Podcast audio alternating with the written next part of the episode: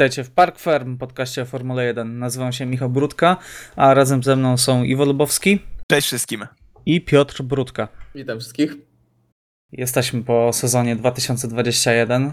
E, troszeczkę czasu już minęło, także emocje opadły, bo myślę, że gdybyśmy to nagrywali w niedzielę wieczorem po wyścigu, to po pierwsze nie moglibyśmy gadać dłużej niż 5 minut, bo stan naszych e, gardeł i głosów e, nie pozwalałby na to. E, Po drugie, nie bylibyśmy w stanie jeszcze poznać ostatecznych wyników, e, które były wtedy oprotestowane. Także, panowie, mamy za sobą e, wyścig, który miał wszystko to, co miał ten sezon. Miał świetną walkę, miał troszkę nudnych fragmentów, miał zwroty akcji, miał kontrowersje, miał wielką radość i wielkie rozczarowanie. Także, jakbyście to skomentowali w pierwszych słowach? Wydaje mi się, że nie było.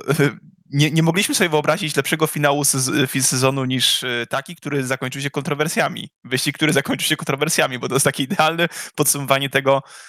y, Czym spotykaliśmy się przez ten cały rok. E, No, finał był szalony. Tam wyścig, jeżeli nie bierzemy pod uwagę, powiedzmy, samego ostatniego okrążenia, e, był powiedzmy, że w znacznej części nudnawy, nie licząc oczywiście kilku świetnych walk.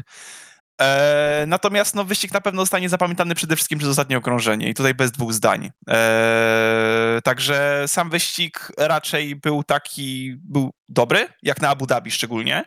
Uważam, że i tak zmiana, właśnie to też od razu warto dodać, że zmiana nitki moim zdaniem nieco polepszyła ściganie, ponieważ brak tych szykan zdynamizował troszeczkę walkę przy wyjściach z tych y, zaoblonych zakrętów, także tam nawrotów, także jak najbardziej na plus.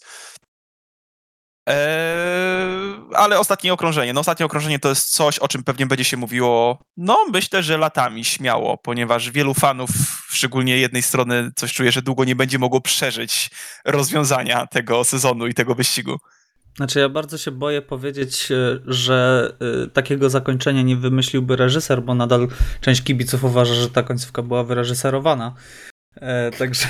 Znaczy, myślę, że śmiało możemy powiedzieć, że pewne zasady zostały troszeczkę naciągnięte, aby zrobić lepsze widowisko i to chyba gdzieś tam wszyscy możemy się po części zgodzić, ale tak, no myślę, że my foliowych czapeczek akurat na głowie nie mamy. No dobrze, Piotrek, e, co uważasz na ten temat? Znaczy no, generalnie tak jak Iwo y, już tutaj mówił, można podzielić w sumie na y, dwa oddzielne elementy y, Grand Prix Abu Dhabi. Y, Właśnie powiedzmy praktycznie 50, pierwsze 54 okrążenia, w których no to była procesja, no mało co się tam działo. Oczywiście mieliśmy e, jedną z ważniejszych momentów, no to była ta kontrowersja na samym początku wyścigu. E, Później mieliśmy e, obronę Sergio Pereza, e, bardzo bohaterską i tutaj bardzo, bardzo mocno się poświęcił Czeko, żeby jak najbardziej pomóc Maxowi. Mieliśmy tą wirtualną neutralizację po awarii e, Antonio Giovinazziego, no i poza tym nic się nie działo. No, ja tutaj akurat z tobą Iwo się niezbyt zgodzę, jeśli chodzi o te zmiany na torze Abu Dhabi. Dla mnie ten tor jest nie do odratowania. Naprawdę, nic się nie działo. Zostało, Może jak usuną zostało- tą szykanę między prostymi. No to tak. Słuchajcie, zbudujmy owal. I zmieńmy trzeci sektor, i zmieńmy trzeci sektor, wtedy powstanie owal, tak. Czyli trzeba zmienić cały tor, generalnie. E, No ale Piotrek, no przypomnij sobie Abu Zabi z zeszłego roku. Okej, to była dominacja Maxa i jakby nic poza tym się nie działo i nie było Ale gdyby nie pierwszy ale- No, ale- dwóch kierowców walczyło o mistrzostwo, to też nic by była nuda. stało. To też byłaby nuda.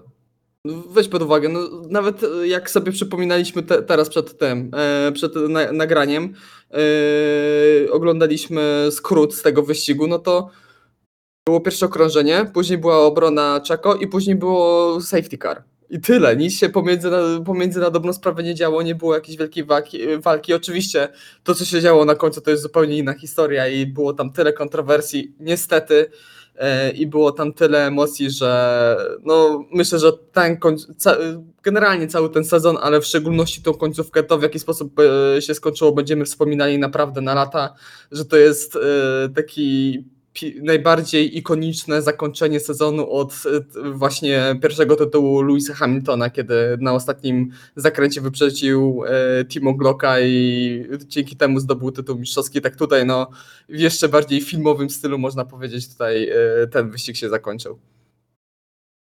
No dobrze, to może przejdźmy do tego. Myślę, że nie ma sensu rozmawiać o innych kierowcach yy, oprócz yy, Hamiltona i Verstappena, bo tutaj to jest główna oś yy, i zrobimy po prostu tak, jak zrobiliśmy to w ostatnim odcinku, czyli po prostu przejdziemy krok po kroku po tym, co się w wyścigu wydarzyło. Najpierw jeszcze przed wyścigiem mieliśmy kwalifikacje. E, w Q2 mieliśmy decyzję, która mogła wpłynąć na bardzo dużo, ale ostatecznie mam wrażenie, że nie miała aż takiego znaczenia, czyli spłaszczenie opony przez Maxa Verstappena i jazda na miękkiej mieszance zamiast na mieszance pośredniej. De facto dając e, przewagę e, teoretyczną, jak się później okazało, Mercedesowi, no i to fantastyczne okrążenie, które dało pole position Maxowi, kiedy wydawało się, że przez cały weekend, przez wszystkie treningi e, i dwie części kwalifikacji, no ten Mercedes był jednak szybszy. Także to, co się nie udało Maxowi w Arabii Saudyjskiej, no udało się zdecydowanie e, w Abu Zabi, także jak to skomentujecie? W końcu e, złożył to okrążenie bliskie ideałowi. No tak, ja no... może zacznę, bo pewnie moja wypowiedź będzie nieco krótsza. To są pierwsze, jedne chyba z, z, dwóch czy trzech sesji kwalifikacyjnych, których akurat nie oglądałem, przyznam szczerze, natomiast oglądałem kółko samego Maxa. Także tutaj mogę się zgodzić, że no samo kółko było złożone naprawdę perfekcyjne, per, perfekcyjnie i co tu dużo powiedzieć, yy, no strategicznie miałem wątpliwości co do tego, czy softy, czy, czy, czy, czy opona pośrednia będzie, będzie lepiej się nadawała. Miałem nadzieję, że jednak Max wykorzysta te softy lepiej, ale no do tego jeszcze przejdziemy. E, ale tak, to jest to, czego Max nie zrobi w Arabii Saudyjskiej, a może inaczej w ogóle ten wyścig by się potoczył, gdyby już wcześniej ten start miałby, można powiedzieć, e, te, te pole position byłoby przez niego e, zdobyte. Ale potrafi, prawda? Nie złamał się po poprzednim wyścigu. No właśnie, Piotrek. Na początku roku często mówiliśmy, że Verstappen to nie jest kierowca na kwalifikacje, a tutaj na sam koniec sezonu zaczął wywijać takie okrążenia. Tak, to fakt, że też właśnie e, tak e, zauważyliśmy, że za, za, zaczął jeździć niesamowicie szybko w kwalifikacjach. Znaczy, e, Max Verstappen zawsze był szybki w kwalifikacjach, tylko jemu często się przytrafiały błędy po prostu w tych, w tych sesjach kwalifikacyjnych. Widzieliśmy to na przykład, no właśnie, ostatnio w Arabii Saudyjskiej, gdzie, gdzie popełnił błąd na ostatnim zakręcie. E, ale to, że on jest niesamowicie szybki i potrafi złożyć naprawdę kosmiczne kółko, no to myślę, że tutaj e, nigdy nikt, nikt w to za bardzo nie wątpił, tylko zazwyczaj po prostu w tych decydujących momentach, w tych ostatnich przyjazdach po prostu przytrafiały mu się e, błędy, no ale tutaj w Abu, w Abu Dhabi złożył naprawdę fantastyczne kółko, no nie zostawił w ogóle żadnych żadnych tutaj e, złudzeń, e, ale i też na dobrą sprawę wtedy rozbudził w, w jeszcze większe nadzieje w, wśród wszystkich kibiców e, Red Bulla, bo sam Red Bull się wygrażał, że oni tempa na jednym kółku to za bardzo nie mają, że trochę odstają od Mercedesa, ale E, że na długich przyjazdach mają o wiele lepsze tempo i są o wiele bliżej Mercedesa. No to jak zobaczyliśmy to kółko w sobotę i tempo Maxa Verstappena, no to e, wszyscy tutaj fani Maxa i fani Red Bulla na pewno od razu e, z większymi nadziejami spoglądali na ten niedzielny wyścig. No dobrze, to przejdźmy od razu do e, pierwszego okrążenia. Max Verstappen startuje no słabo po prostu, no, nie da się tego tak. inaczej określić. E, Hamilton też wystartował fantastycznie i sprawiło to, że mimo e, przewagi pozycji, mimo startowania z brudnej części toru, mimo startowania na twardszej mieszance, Lewis Hamilton bez problemu wyprzedził Maxa. No i docieramy do e, pierwszego incydentu e, z pierwszego okrążenia, e, kiedy no, bardzo optymistycznie atakuje Max Verstappen, wciska się po wewnętrznej, po pierwszej długiej prostej i Lewis Hamilton wyjeżdża poza tor. Nie mieszczą się te bolidy, nie ma kontaktu, natomiast no, Hamilton zostaje na prowadzeniu i jak to skomentujecie, bo sędziowie nie zajęli się nawet tym tym incydentem. E, uznano, że tutaj wszystko było fair. Hamilton, e, że tak powiem, oddał tę przewagę, którą zyskał na ścięciu toru. Natomiast no, większość ekspertów tutaj mówiła, że raczej Hamilton powinien oddać pozycję. E, I jestem ciekaw Waszej opinii na ten temat. Hmm. Znaczy, ja przyznam szczerze, że na początku, jak to oglądaliśmy, e, to byłem e, za sędziami i popierałem decyzję sędziów, że Max Verstappen po prostu zbyt, zbyt daleko był, dojeżdżając do tego zakre- zakrętu, że to był zdecydowanie zbyt optymistyczny manewr i zbyt, optymistyczny atak, no bo koniec końców on sam ledwo co się zmieścił w tym zakręcie. Koniec końców wyjechał tylko połową bolidu poza linię toru. Eee, Jednakże istnieje coś takiego i też bardzo często jest e, stosowane, że w takich momentach, kiedy kierowca z przodu widzi, że ten za nim będzie mu sadził zaraz no, tak, tak zwaną bombę e, po wewnętrznej, to przytula się do zewnętrznej i po prostu tamten, ten kierowca atakujący przyjeżdża, no i wtedy mamy lepsze wyjście i to jest takie bardzo często spotykany manewr, bardzo często spotykany e, e, tutaj manewr, jeśli chodzi o obronę.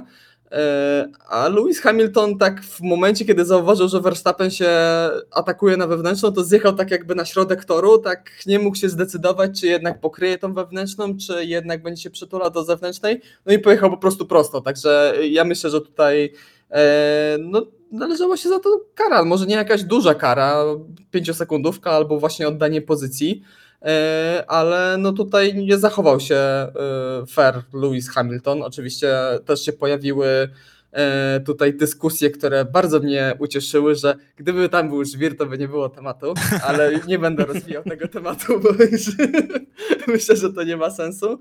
E, I myślę, że tutaj to był pierwszy błąd e, w trakcie tego wyścigu sędziów, e, jeśli chodzi o ten wyścig.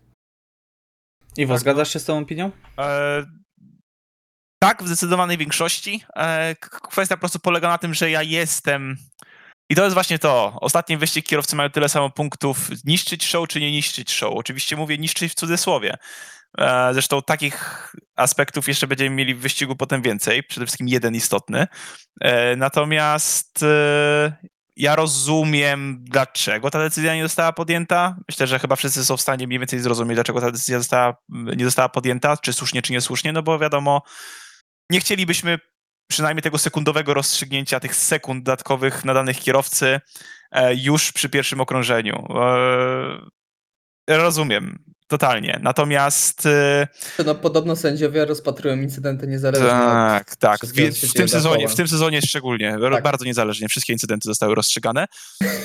Eee, ja bardziej podczas oglądania tego wyścigu e, właśnie potraktowałem, ok, nie wiem o co cała ta drama. E, Max zasadził bombę, Lewis Hamilton no miał miejsce nawet zewnętrznej, ale no skręcił trochę w stronę Maxa, po czym, żeby go uniknąć, wyjechał poza tor.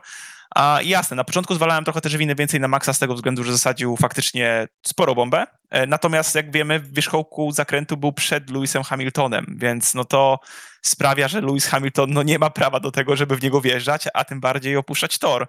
E, Zresztą widzieliśmy takie sytuacje już też chyba w Arabii Saudyjskiej. Też Max miał, były kontrowersyjne sytuacje, kiedy próbował wyprzedzać Lewisa i uciekał z toru i został za to ukarany.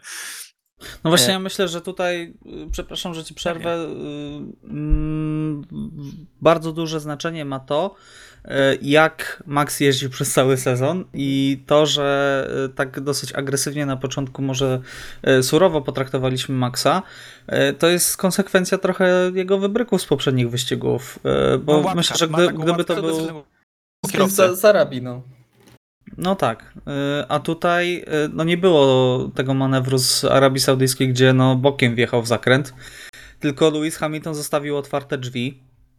E, Max zmieścił się w limitach toru jak najbardziej, także no, moim zdaniem tutaj, mimo tego, że na początku też, muszę przyznać, zgadzałem się z sędziami, teraz no, tak na spokojnie patrząc na to wszystko, no, zgodzić się nie mogę. E, Tutaj moim zdaniem powinien e, Hamilton oddać pozycję Maxowi. Natomiast patrząc e, na to, co się działo dalej w wyścigu, myślę, że i tak i tak by wyprzedził Maxa Verstappena na, na następnych okrążeniach. Tak, w pełni, w pełni się zgodzę, a to też wydaje mi się, że po prostu gdyby przytulił się do tej zewnętrznej i mu się odciął na dobrą sprawę, e, to wyjście miałby zupełnie o wiele, wiele lepsze, bo Max Verstappen, żeby się zmieścić w ogóle w tym zakresie, tyle prędkości musiał wytracić, że bez problemu Hamilton by zaraz by odzyskał tą pozycję. Dla- Także biorąc pod uwagę jego doświadczenie, jego wiek, tym bardziej się dziwię, że postąpił jak postąpił. No ale Znaczy, gdyby, gdyby Lewis Hamilton nie uciekł, no to zostałby, gdyby miał wrócić w, w, powiedzmy sensownych granicach toru e, z powrotem i, i znaleźć się nawet za e, Verstappenem, to był w takiej pozycji straciłby tyle prędkości, że zostałby wzięty najprawdopodobniej i przez Pereza i prawdopodobnie przez to jest Leclerc czy Sainz w tym momencie, teraz zgubiałem, kto był na czwartej pozycji na samym początku aż wyścigu. Tak, tak blisko tam nie byli. E, no, ale Perez był zaraz, Perez był zaraz, y, zaraz za, praktycznie, gdyby Lewis miałby wolniej z tego zakrętu wyjechać, a zaraz za nim już Ferrari i, i, i McLaren, także tam byłoby bardzo niebezpiecznie, gdyby nie, nie, nie uciekł bokiem. A, natomiast y, tak, oddanie pozycji wydawałoby się najbardziej racjonalną decyzją w tej sytuacji, ponieważ no, zyskał sporo, zyskał naprawdę dużo. Okej. E, To myślę, że stawiamy kropkę, przechodzimy dalej. E, Mamy e, wyjazd, e, zjazd Maxa po e, oponę, mamy zaraz potem reakcję Hamiltona. Mercedes bardzo bezpiecznie grał w tym wyścigu, nie wiem czy zauważyliście, oni naprawdę bali się podejmować tutaj jakichś bardziej odważnych pozycji, chociaż z drugiej strony trudno się Czemu dziwić. by mieli? Czemu by mieli w sumie? Dokładnie. Na dobrą sprawę do momentu, e, czy to wirtualnej e, neutralizacji, czy do tego safety cara na koniec wyścigu, no to oni nie mieli powodów, żeby tutaj grać jakoś bardziej ryzykownie, kopiowali, e, ko, kopiowali to, co robi Red Bull, no i na dobrą sprawę nic więcej nie potrzebowali. No tak, e, po czym Red Bull zostawił na torze Sergio Pereza i on na e, bardzo mocno zużytych miękkich oponach zrobił coś niesamowitego. No szczerze powiedziawszy, zbić e, 10 sekund, praktycznie no 7 sekund z przewagi Hamiltona e, w przeciągu dwóch okrążeń e, tak bohaterską obroną e, i tak e, no trochę bezczelnym hamowaniem e, Hamiltona w trzecim sektorze. No nie widziałem czegoś takiego od pięciu lat, kiedy Hamilton blokował e, Nico Rosberga, tak?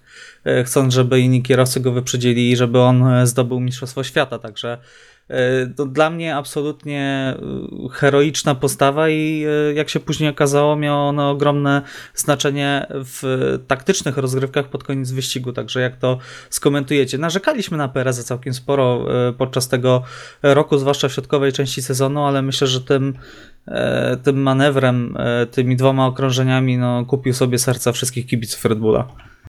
Plan B, który wyszedł. Jakby jest to chyba pierwszy plan B, który wyszedł. No właśnie. E, Kiedy, przy- kiedy coś takiego doszło do skutku? Bo zawsze jesteśmy przyzwyczajeni do tego, że to Valtteri Bottas był zostawiony na torze, żeby bronił Hamiltona w identyczny sposób. Natomiast to się nigdy nie stało. Przynajmniej nie przypominam sobie takiej sytuacji, ale zawsze, że tak powiem, no trochę mieliśmy z tego ubaw. To było zupełnie coś innego. Jakby totalnie się nie spodziewałem po tak zużytych miękkich oponach. Jakby obrona obroną, jeszcze czysta obrona, ale kontra wyprowadzona pod zakończenie, na przykład y, jak jest prosta DRS-owa i po, po, szykana kolejna prosta DRS-owa, kontra wyprowadzona przez Pereza, jeszcze przypuszczony atak skuteczny. Wow, naprawdę to było coś niesamowitego. Y, No to było walczenie jak czekał, lew, tak? He's animal. Jakby No, dosłownie. walczył jak lew. To, to Walczy- była taka jak obrona, którą chciał y, Fernando Alonso od Estepana Okona. Tak. E, Piotrek, jak to skomentujesz?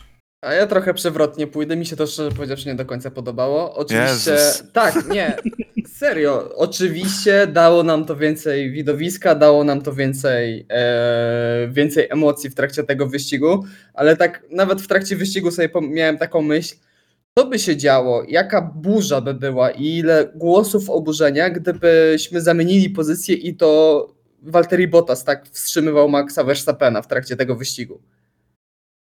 No, po prostu takie, za przeproszeniem, szambo by się wylało wtedy, że to się w głowie nie mieści. Także, no, nie wiem, ja, ja szczerze powiedziawszy nie do końca jestem, nie wiem, nie, nie, jestem jakoś skory bić tutaj jakieś wielkie brawa. Oczywiście wykonał swoją robotę Sergio Perez, zrobił co miał zrobić. E, wykonał no, na medal pracę drugiego kierowcy, e, ale no trochę trochę mi się coś w tym wszystkim gryzie jakoś wewnętrznie. Tro, trochę niezbyt sportowa postawa na dobrą sprawę, no ale robotę swoją, co miał zrobić, wykonał naprawdę bardzo dobrze i pod tym kątem naprawdę e, szacunek za to, Znaczy- że wykonał swoją pracę jak, jak wykonał. Znaczy powiem tak, jakby Formuła 1 to jest w 4 piątych sportem indywidualnym i w tej jednej piątej sportem zespołowym, biorąc pod uwagę tylko dwóch kierowców. No bo wiadomo, że zespół no to jest jednak zespół, to, to, to, to się liczy najbardziej jako całość, ale no właśnie ta gra zespołowa, która miała miejsce moim zdaniem dopóki jest i w regulacjach i nie jest niebezpieczna i, i, i- jest czysta przede wszystkim, e, bo o to najbardziej chodzi. Gdybyśmy zobaczyli brudną walkę, no to wydaje mi się, że też głupio było... Nie, no ja jasne, jako gdyby kibic tutaj- Red Bulla, tak, byłoby mi trochę wstyd, jakby w momencie, kiedy to Perez zagrałby bardzo brudno, wywoził Hamiltona z toru, to byłoby Mhm. niefajne. E, W momencie, kiedy faktycznie to była czysta walka, wbrew komunikatom Louisa Hamiltona, które słyszeliśmy, e, inaczej, gdyby Bottas to robił, ja bym to też pewnie zrozumiał, dopóki byłaby to czysta walka. Naprawdę. Nie no, I tak, jednak- tak, ja się, ja się, ja się Tak. w pełni zgodzę, że w momencie, w którym by Perez zaczął tutaj wywozić Hamiltona poza tor, albo doszłoby tam do jakiegoś kontaktu pomiędzy nimi, no to wtedy byłaby już przeginka. Tak, tak, tak, dokładnie. E, e, Mówię, ja traktuję ten sport właśnie głównie indywidualnie, ale jak najbardziej jakby rozumiem tę e, zespołową część sportu, właśnie między dwoma kierowcami i no, dla mnie jest to, dla mnie jest to okej, ja nie mam jakby nic przeciwko temu. Znaczy tak, my- myślę, że Mercedes nie zawahałby się y, zrobić dokładnie tego samego, gdyby byli na miejscu Red Bulla. E, Bottas nie zawahałby się robić dokładnie tego samego na miejscu Pereza, e, bo tak jak y, Perez, to oni o nic nie walczyli już, tak? E, Osobiście, tak? Także no, może nie było to w 100% super sportowe zagranie, Natomiast przyniosło skutek, tak? I była to przede wszystkim, tak jak mówicie, walka czysta, tak? Ani razu nie widzieliśmy akcji typu Verstappen-Hamilton, gdzie wywozili siebie poza tor, tylko to było naprawdę kawał e, czystego ścigania, tak? Tak, moment, momentami to trochę mi, w w szczególności w tym trzecim sektorze, mi to przypominało moment, w którym jak, e, jak gra się w niektóre gry i się spowalnia, spowalnia się e, tutaj AI na dobrą sprawę, żeby, żeby ten drugi twój kolega mógł cię dogonić po tym, jak No popełnił tak, błąd. no na takiej samej zasadzie. E, No dobrze, to w takim razie przechodzimy dalej. E, Mieliśmy wirtualny samochód e, bezpieczeństwa, mieliśmy zmianę opon Maxa Verstappena właśnie dzięki temu, e, że ta przewaga została zbita, która została później zwiększona przez Louisa Hamiltona, ale była zbyt mała, żeby Hamilton zjechał. No, Red Bull zaryzykował po raz pierwszy, ściągnął Maxa Verstappena, stracił mniej dzięki temu, że był VSC. E, Natomiast e, no, widać było, że e, no, Red Bull nie ma aż takiego tempa, żeby mimo tego, że mieli tam opony o 20 okrążeń, czy tam 15 okrążeń świeższe, no nie miał Red Bull absolutnie tempa, żeby tutaj zagrozić Mercedesowi. W pewnym momencie, od pewnego momentu ta przewaga przestała topnieć, a nawet zaczęła się zwiększać. Także tutaj widzieliśmy tylko pokaz siły Mercedesa i taką trochę niemoc i wydawało się, że już wszystko jest, e, no jest zakończone, tak? Po czym nastąpiło okrążenie e, 54, o ile dobrze pamiętam. Tak, dokładnie. E, I Nicolas Latifi, który e, stracił panowanie nad bolidem po walce z Mickiem Schumacherem, wylądował w bandzie. e, No i się zaczęło, tak? E, Zaczęło się. Mieliśmy najpierw e, kolejny wirtualny samochód bezpieczeństwa. E, Lewis Hamilton po raz kolejny nie miał wystarczającej przewagi, żeby zjechać po nowe opony i e, wyjechać przed Maxem Verstappenem, więc postanowił pozostać na torze. Nawet wybacz, że Tak? się w, e, e, w, tutaj wetnę, ale w momencie, w którym Hamilton był tuż przy zjeździe, to wtedy był ten bardzo krótkie okno, kiedy nie można było zjechać. Aha, bo no to jeszcze był, podwójny był ogłoszony safety car i była na chwilę zamknięta aleja serwisowa, żeby safety car mógł wyjechać. I wtedy on po prostu nie mógł, nawet jakby chcieli, to oni nie mogli wtedy zjechać. No okej, no tak, e, tak, no to w takim razie podwójny pech e, Mercedesa, tak? E, Był za szybki. to go zgubiło. Tak. Żeby przegrać mistrzostwo za to, że jest się zbyt szybkim. To naprawdę wyjątkowy sezon, powiem wam. Tak, ale wy, później y, Max zjeżdża po y, świeże, miękkie opony, y, wyjeżdża ostatecznie safety car. No i panowie, co, co tam się dalej wydarzyło? Piotrek, y, może ty to przedstawisz, żebym ja tutaj już zbyt długim monologiem nie jechał. Tak, zaczynamy zebranie ławy oburzonych na Tak, temat sędziów. dokładnie. Witam wszystkich. E, No, generalnie doszło tutaj do naprawdę dziwn- splotu dziwnych decyzji po raz kolejny w tym sezonie, jeśli, jeśli tutaj mamy e, rozpatrywać to, co wyczyniał nam Michael Massey i sędziowie. E, Na początku oczywiście było, było tutaj sprzątanie, po, sprzątanie bolidu Nicolasa Latifiego, co o dziwo w, było bardzo szybko zrobione, bo na dobrą sprawę po dwóch okrążeniach ten samochód, wszystkie tam szczątki, wszystko co tam e, e, zostało rozsypane, zostało posprzątane.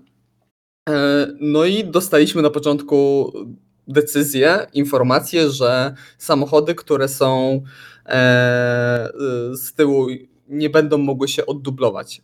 Co oznaczało, że pomiędzy Lewisem Hamiltonem a Maxem Verstappenem tam było cztery samochody, jeżeli dobrze pamiętam.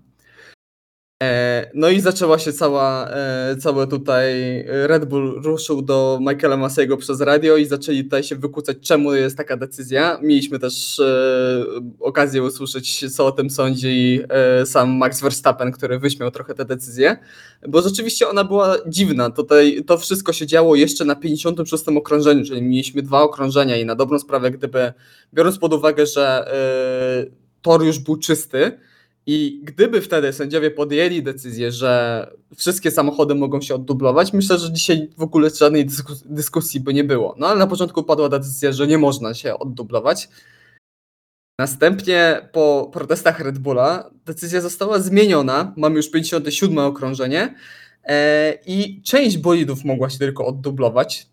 W szczególności ta pomiędzy Hamiltonem a Verstappenem, po czym błyskawicznie została podjęta decyzja, że samochód bezpieczeństwa zjedzie, co szczerze powiedziawszy To był niecały sektor. to, był nie, to wszystko wydarzyło się raz w niecałym sektorze. To wszystko się wydarzyło w bardzo krótkim czasie i ja osobiście nie przypominam sobie takiej sytuacji, żeby połowa stawki się mogła oddublować, a połowa stawki się nie mogła oddublować. Co więcej, nie przypominam sobie takiej sytuacji, że samochody, które się oddublowują, nie wróciły na koniec stawki.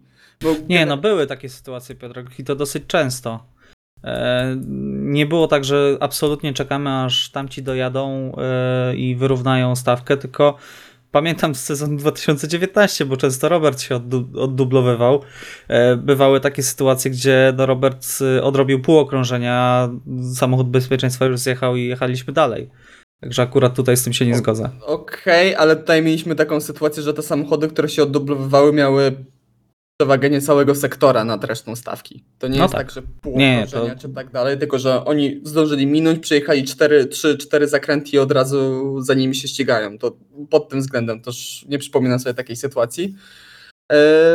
E, No właśnie, no i później wróciliśmy do ścigania w takich, e, a nie innych e, okolicznościach. Także no, tak jak już w sumie zacząłem, no moim zdaniem była dziwna decyzja, że te samochody nie mogły się oddublować, bo gdyby na e, właśnie na 56 okrążeniu p, padła ta decyzja po minięciu właśnie miejsca wypadku, że ok, samochody mogą się oddublować, to oni by spokojnie wszyscy minęli, podjechali, może by nawet zdążyli dołączyć do tej stawki, albo by nie zdążyli dołączyć do tej stawki, to już mniejsza o to, szczerze powiedziawszy. Nie byłoby kontrowersji. Nie byłoby kontrowersji, bo... Zwłaszcza, że, przepraszam, że ci przerwę, była komunikacja radiowa i Mercedesa z Lewisem Hamiltonem i Hamilton czekał tylko aż się oddublują i już czuł, że po prostu jest pograne w tym momencie. Tak, dokładnie. Także trochę dziwna decyzja. Z drugiej strony ta pierwotna decyzja też mi się e, wydała bardzo dziwna, że, e, że nie, te samochody nie mogły się, nie będą mogły się oddublować. E, Bo szczerze powiedziawszy też bardzo rzadka spotykana decyzja. Ja też sobie za bardzo akurat nie, nie przypominam, nie poprawcie, kiedy tak było, że samochody się nie mogły oddublować. Od momentu wprowadzenia tego przepisu oczywiście. No, przepis został wprowadzony już no, ponad 10 lat temu, także no, nie, nie przypominam sobie takiej sytuacji. Zawsze praktycznie e, no, na dobrą sprawę mieliśmy oddublowanie kierowców i na następnym okrążeniu zjeżdżał safety car. Także no, tak podsumowując, na przestrzeni tych dwóch okrążeń na, na dobrą sprawę mieliśmy obraz tego, co się aktualnie dzieje w Formule 1, że sędziowie zmieniają decyzje i dopasowują te decyzje na podstawie tego raz, co się dzieje na torze i dwa, na podstawie trochę też, e, może nawet nie trochę, ale nawet bardzo, na podstawie e, nacisków, jakie wywierają na ich zespoły, bo oczywiście te naciski zawsze będą, zawsze były, e, no ale widać tutaj, że te decyzje są tak szybko zmieniane, w zależności od tego po prostu, tak można wyciągnąć takie wnioski, że w zależności od tego, kto głośniej krzyknie przez radio do, Ma- do Michaela Masiego. Tak, no można odnieść wrażenie, że sędziowie dali sobie wejść na głowę, szczególnie dwóm walczącym ze sobą panom, Toto i Krystianowi. E, ale no tak, przede wszystkim no, głównym problemem jest to, że ta decyzja, jakakolwiek decyzja została podjęta szalenie późno, bo nawet też nie mieliśmy pewności, czy, czy wyścig, znaczy ja największą obawę miałem, że wyścig po prostu zostanie zakończony pod safety carem. To mi się wydawało niestety może nie tyle oczywiste, ale Bardzo Duża, prawdopodobne. bardzo duża i realna obawa na tamten moment. Eee, czy decyzja, która została podjęta, była dobra? Ogólnie nie. Czy została podjęta najlepsza decyzja, jaką mogli podjąć w danym momencie, kiedy ona zapadła?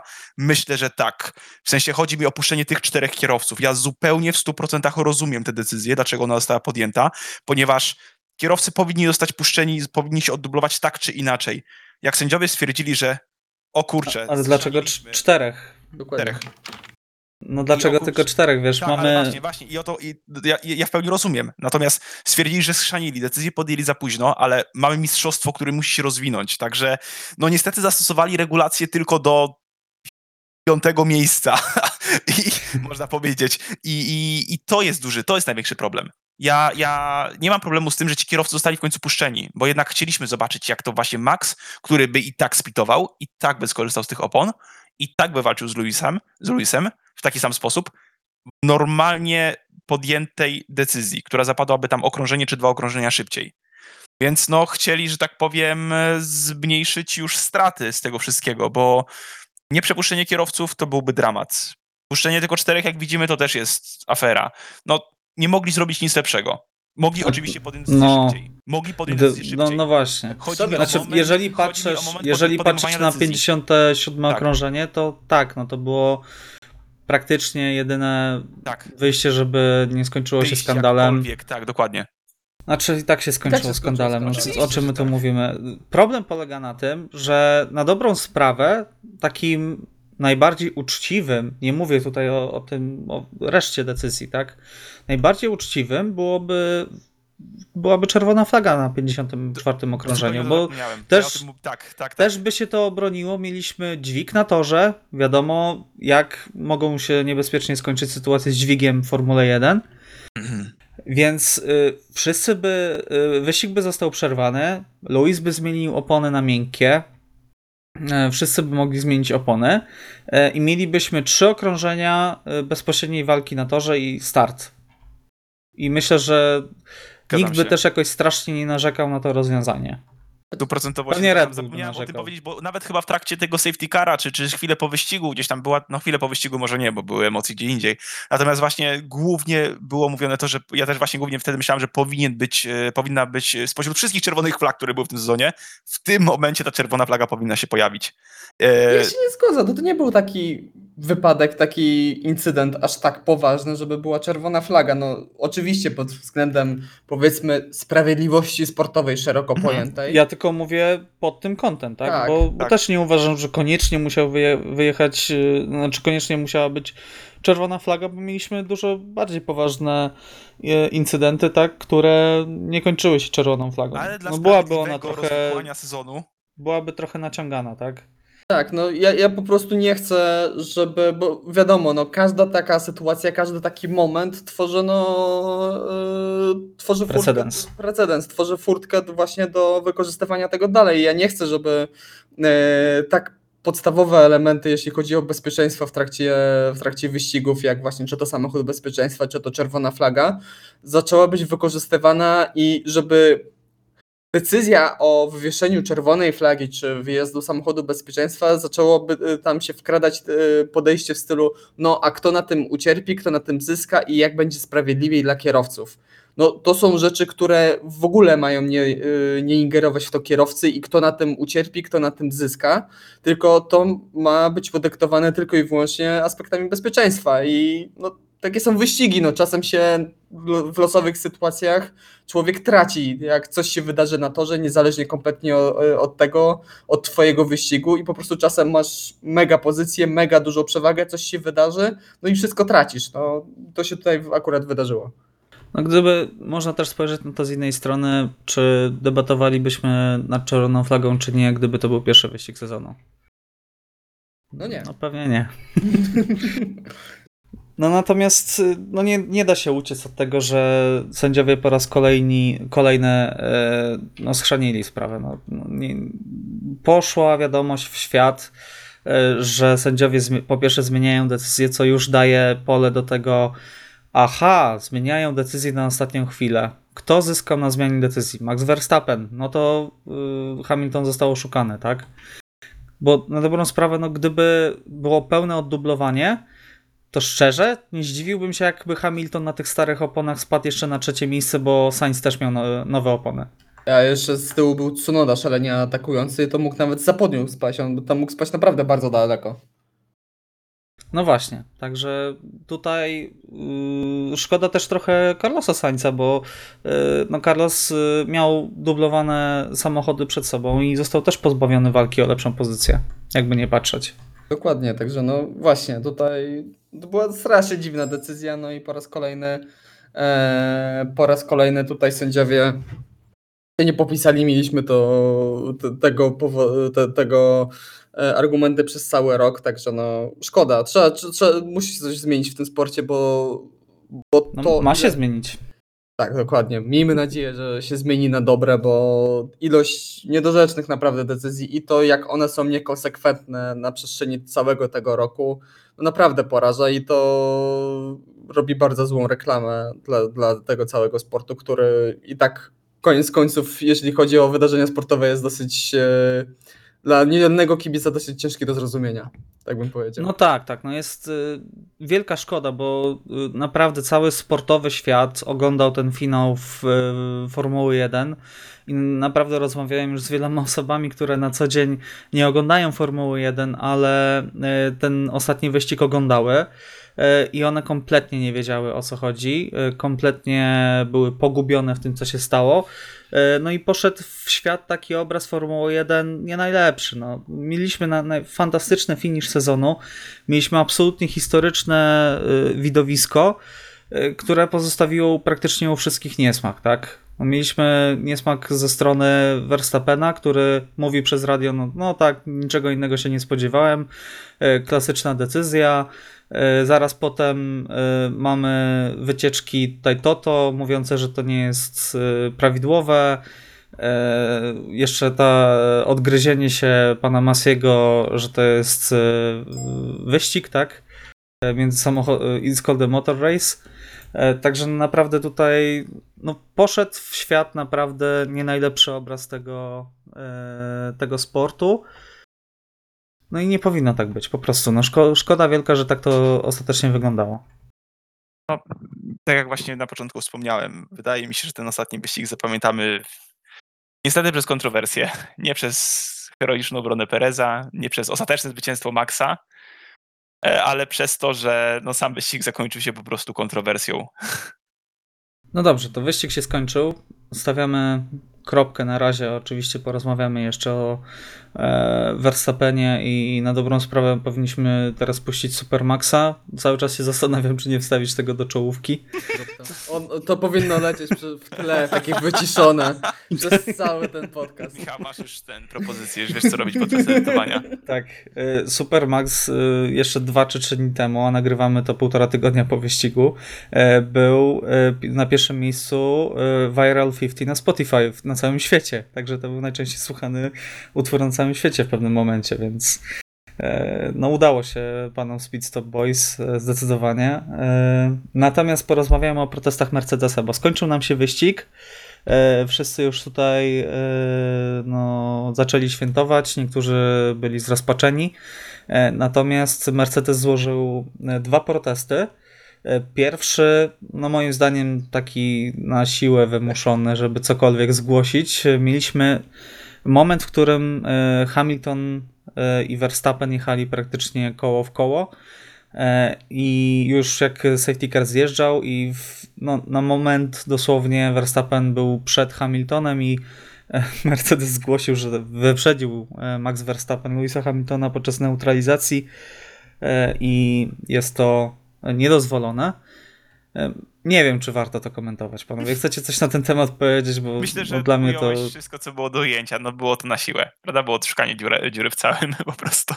Myślę, Natomiast, tak? Myślę, że bardzo dobrze e, skomentował to Red Bull, że w momencie, w którym kierowcy dodają i odejmują gazu, jest milion takich precedensów za samochodem bezpieczeństwa, że na sekundę ktoś kogoś minimalnie wy, wyminie. Także no, to było już takie łapanie się brzytwy. ze Dobrze, że nie dostali za to z automatu 5 sekund kary jak w grze od Codemasters. Tam nie polecam robić takich manewrów.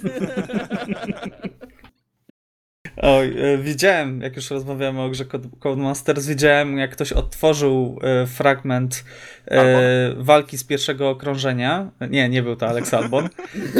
Jako Mercedes ściął zakręt walcząc z Maxem Verstappenem. Pojechał prosto dokładnie jak Hamilton, poczuł, dostał od, od gry e, 3 sekundy kary.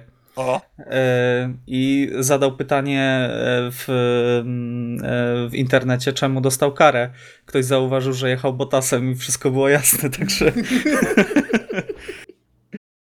No dobrze, ale przejdźmy do drugiego, dużo bardziej poważnego zarzutu Mercedesa. Tutaj zakwestionowano artykuł 48.12, e, który mówi, że każdy samochód, który został zdublowany przez lidera, ma obowiązek wyprzedzenia samochodów będących na okrążeniu lidera oraz samochodu bezpieczeństwa. I gdy ostatni zdublowany samochód wyprzedzą lidera, samochód bezpieczeństwa wróci do ale alei serwisowej na końcu następnego okrążenia. E, No jak widać, e, nie wydarzyło się to. Natomiast e, no, ten protest też został odrzucony e, na dwóch podstawach. Następny punkt regulaminu mówi, że samochód zjeżdża e, tuż po wyświetleniu e, komunikatu samochód bezpieczeństwa zjedzie na tym okrążeniu, a decyzja kiedy ten komunikat się pojawia i ogólnie wszystkie decyzje, e, taką główną pieczę i ostateczne słowo ma dyrektor wyścigu, czyli Michael Massey. mm, nie wiem, czy No i- mieliście okazję tak Czy- bardziej poczytać sobie regulamin, czy, czy tam parę jego punktów. Czasami dla e, gdzieś tam jeżdżąc e, w lidze, czy tam, czy tam e, oceniając różne wy, wypadki w lidze wyścigowej e, w, w, w F1 e, w grze, e, czasami się odnosimy do tego regulaminu, jak czasami jak nie mam pojęcia co zrobić. I wiele razy spotykamy się, że regulamin Formuły 1 jest skonstruowany dokładnie w taki sposób, że można powiedzieć w sumie wszystko i zinter- zinterpretować to tak, że i tak ostatnie słowo ma dyrektor wyścigowy i e, nie ma super sztywnych zasad, których zawsze bezwzględnie trzeba się trzymać. Po prostu. Znaczy, dla mnie to jest cały czas zdumiewające, naprawdę, że w momencie, w którym no, parę wyścigów wcześniej, czyli na Interlagos, e, Lewis Hamilton dostaje dyskwalifikację z kwalifikacji za to, że przestrzeń pomiędzy górnym płatem a dolnym tylnego skrzydła tam przekroczyło, jeżeli dobrze pamiętam, 0,2 mm. Tak. E, I w tym samym sporcie mamy trzy różne e, artykuły regulaminu, który na dobrą sprawę ten artykuł właśnie 15.3, e, czyli że dyrektor wyścigu ma kontrolę odnośnie wykorzystania samochodu bezpieczeństwa, to na dobrą sprawę wykreśla 3 czwarte przepisów, jeżeli chodzi o samochód bezpieczeństwa. No bo to, to mówi, że okej, on ma całą kontrolę i yy, mamy tam jakiś regulamin, ale jak on postanowi inaczej, to jest wtedy inaczej. Dla mnie to jest, to, to mnie najbardziej dziwi, że z jednej strony mamy w Formule 1 e, regulamin techniczny, który jest niesamowicie e, uszczelniony i zespoły I da się. boją, troją, żeby to, żeby go obejść w jakiś sposób i jakoś to wykorzystać i naprawdę to jest e, bardzo ciężkie do zrobienia, a z drugiej strony mamy regulamin sportowy, który ma tyle furtek, tyle niedoprecyzowań, tyle różnych e, artykułów, które się nawzajem wykluczają, że to naprawdę jest. Naprawdę to jest dla mnie niedorzeczne, chore, że no cały czas z tym żyjemy i udajemy, że, że jest wszystko z tym ok. No bo ten sezon nam dobitnie pokazał, że jeśli chodzi o regulamin sportowy, już nawet nie chcę tutaj zaczynać tematów jakichś osobistych, te Michaela Masiego i tak dalej, ale generalnie regulamin sportowy, czy to w Formule 1, czy to generalnie w e, motorsporcie, wyścigach, no wymaga doprecyzowania i wymaga naprawdę tutaj przepracowania i e, przepisania na dobrą sprawę wielu z tych e, artykułów na nowo. No tak, ja spotkałem się nawet z taką bardzo ciekawą opinią, że regulamin e, wyścigowy, tak, no to jest taki trochę trup, który specjalnie pudrujemy, e, tylko po to, żeby dostawać nadal rentę za niego. Także to może trochę ostry żart, e, trochę czarnego humoru, ale coś w tym jest. Nie ukrywam, coś w tym widzę.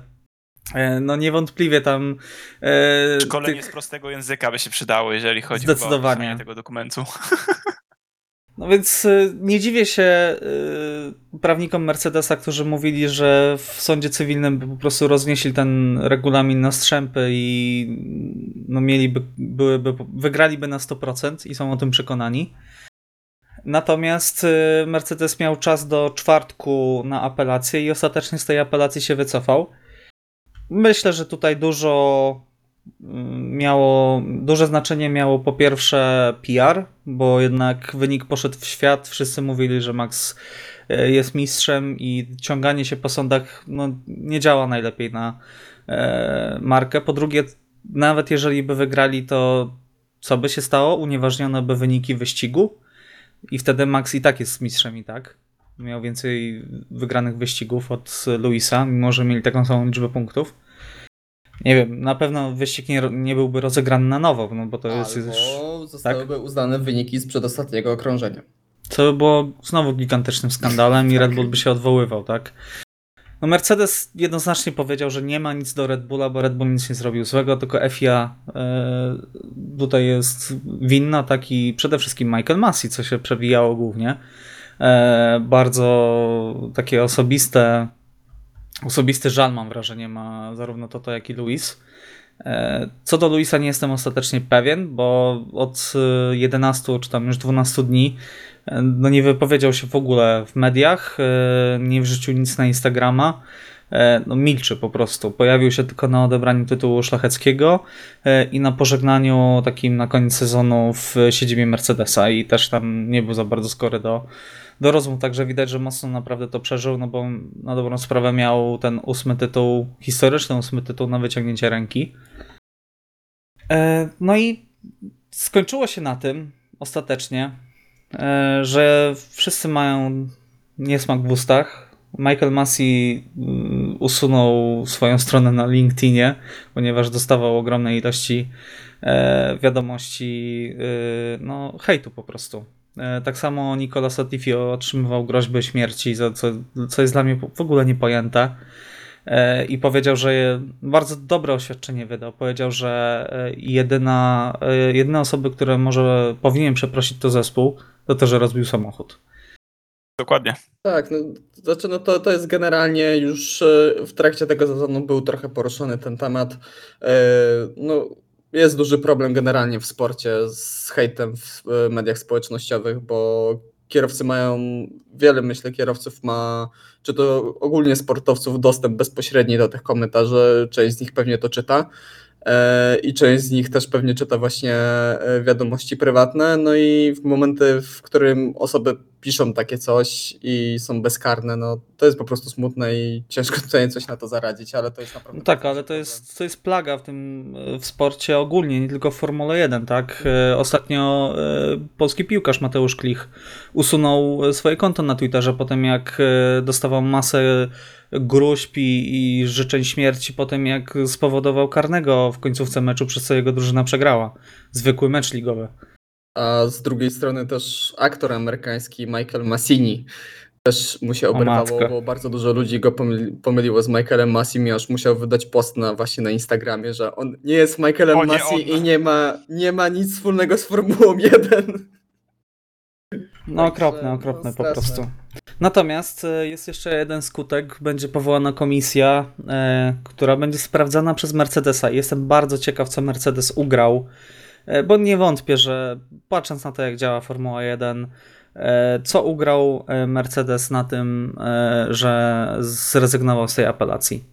Bo będzie komisja do poprawy przepisów, co naprawdę popieram Niech wszystkie zespoły biorą w tym udział, niech ustawią te przepisy tak, żeby były jasne, żeby nie było nadużyć, żeby każdy wiedział, co można, czego nie można i jaka kara ciebie spotka, jeżeli te przepisy złamiesz. Tak, i też y, moim zdaniem wymaga tutaj usprawnienia e, całego tego procesu e, od momentu, w którym ma miejsce e, incydent na torze, do momentu, w którym sędziowie zaczynają to rozpatrywać. Bo też myślę, że parę razy w trakcie tego sezonu mieliśmy taki problem, że mieliśmy jakiś incydent na torze, pomiędzy zespołami, czy gdzieś wypowiadał na tej drodze, gdzieś stawiał właśnie Michael Massey i do dzisiaj do końca nie do końca wiemy na dobrą sprawę, jaki on, jak bardzo ważny ma ten głos. E, teoretycznie raz mówi, że nie ma w ogóle tego głosu, nie wywiera jakiejś presji, czy nie wywiera jakiejś e, tutaj nie daje sugestii sędziom, drugi raz mówi, że im może coś zasugerować, także no to też moim zdaniem wymaga tutaj doprecyzowania i tutaj jakiegoś uściślenia. No dobrze, to Max Verstappen, mistrzem świata na sezon 2021. Y, myślę, że jeszcze w kwietniu, w maju mało z osób by w to uwierzyło. Nie wiem, czy pamiętacie, jak po Grand Prix Hiszpanii mówiliśmy, że sezon się skończył. E, z ponieważ... drugiej strony był, był moment, że miałem obawy, że sezon będzie zbyt nudny ze względu na pasmo zwycięstw Red Bulla i, i, tak, i wtedy sezon tak. się skończył, także w obie strony to działało. Mm, piękny to był sezon. Nie zapomnę go nigdy. Ja mogę śmiało powiedzieć, że to definitywnie najlepszy sezon, jaki widziałem. No dobrze, to postawmy, postawmy kropkę e, w tym momencie. E, szczerze powiedziawszy, nie wiem, czy podzielimy, zobaczymy, jak pójdzie nam podsumowanie tego sezonu. Możliwe, że podzielimy ten odcinek na dwie części. E, więc e, jeżeli dołączyliście teraz w drugiej części, e, to witamy na o, podsumowaniu sezonu. Tak, część. dokładnie. Podsumowanie sezonu 2021. Tak jak powiedzieliśmy, to był piękny sezon, nie zapomnimy go nigdy. Wypisałem wam różne naj w tym sezonie. Więc jestem bardzo ciekaw Waszych przewidywań, Waszych tutaj, może nie przewidywań, o przewidywaniach powiemy na koniec, jak tutaj się, bo też mieliśmy dramatyczny finish, Iwo. tak. E, także najlepszy kierowca. E, Piotrek, kto był najlepszym kierowcą e, 2021 roku w Formule 1, Twoim zdaniem? No, Max Verstappen, mistrz świata. Tutaj się zacząłem zastanawiać pomiędzy, czy wybrać jakoś tak bardziej nieoczywiście, kogoś tam z y, dalszych pozycji, jeśli chodzi o klasyfikację generalną, no ale kurde, gościu jest ma 24 lata, no cały czas mnie to boli, ale jest moim rówieśnikiem. E, pierwszy raz w swojej karierze, w swoim życiu ma, dostał samochód, który mógł walczyć o tytuł mistrzowski i od razu to wykorzystał. Także za to moim zdaniem już z miejsca zasługuje na tytuł najlepszego kierowcę, bo to nie był dominujący samochód, nie był to samochód, który kompletnie zamykał jakiekolwiek e, drogi innym zespołom i nikt nie miał do nich podjazdu, jak było w przypadku Mercedesa w zeszłym roku. Naprawdę tutaj Max Verstappen pokazał się z bardzo mocnej strony, pokazał jak mocny jest psychicznie, w szczególności pod koniec, e, w wielu momentach pod koniec sezonu, pomijając Arabię Saudyjską. E, Y, ale naprawdę mieliśmy wiele momentów, które możemy zapamiętać z jazdy w Maxa w tym sezonie i naprawdę dużo brawa i y, i naprawdę czapki z głów chylę głowę, bo też na, na łamach tego podcastu kiedyś powiedziałem, że jeżeli Max się nie zmieni, e, to nigdy nie zostanie mistrzem świata, także muszę to odszczekać. Został mistrzem świata, a za bardzo nie zmienił, nie zmienił się. się. Także myliłem się bardzo. Dobrze, Iwo, e, jak ty stawiasz? No, tak czysto, czysto obiektywnie, bo ja miałem pisane dwóch kierowców, ale jednego już też miałem przesuniętego wcześniej do najlepszego zaskoczenia mimo wszystko.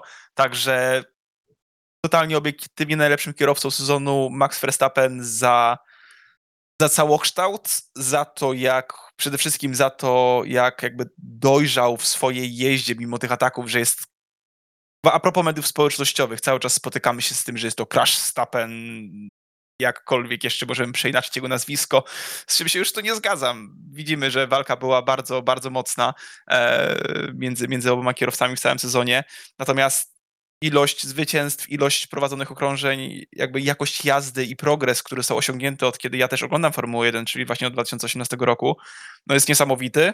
I to, co powiedział Piotrek, mając samochód, który jest w stanie rywalizować i jest w stanie być już w tej czołówce zupełnej w czubie, no po prostu wygrywa i, i, i wygrał mistrzostwo. Także tutaj, czy zdeklasował Luisa? E, Niekoniecznie, ponieważ sam Luis miał przebłyski, jak przebłyski, to jest Nie tyle przebłyski. jakby. Brazylia, że Brazylia to jest jakby miał zadecydować, że tak powiem, o, o, o, o najlepszym kierowcy i powiedzmy, że byłbym w tak w 90% y, za, za Maxem, a, a, a- a w 10 za Luisem. E, tak po Brazylii to już by się prędzej zmieniło na jakieś 60-40 mimo wszystko. Także wygrał Verstappen jako najlepszy kierowca, natomiast widzimy, że Lewis Hamilton był w stanie wykorzystać sytuację, biorąc pod uwagę, o ile mniej okrążeń na przykład miał na prowadzeniu. Co też o czymś świadczy. Okej, to ja poszedłem bardzo y, ciekawą drogą. Uznałem, że kierow... moim zdaniem najlepszym kierowcą w tym roku był Carlos Sainz. Boż, no ja też miałem, E, Bo przypomniałem sobie, jak e, rozmawialiśmy przed e, tym sezonem. No, spodziewaliśmy się, że raczej tutaj Charles Leclerc będzie miał przewagę, zwłaszcza w pierwszej części sezonu, a tak nie było.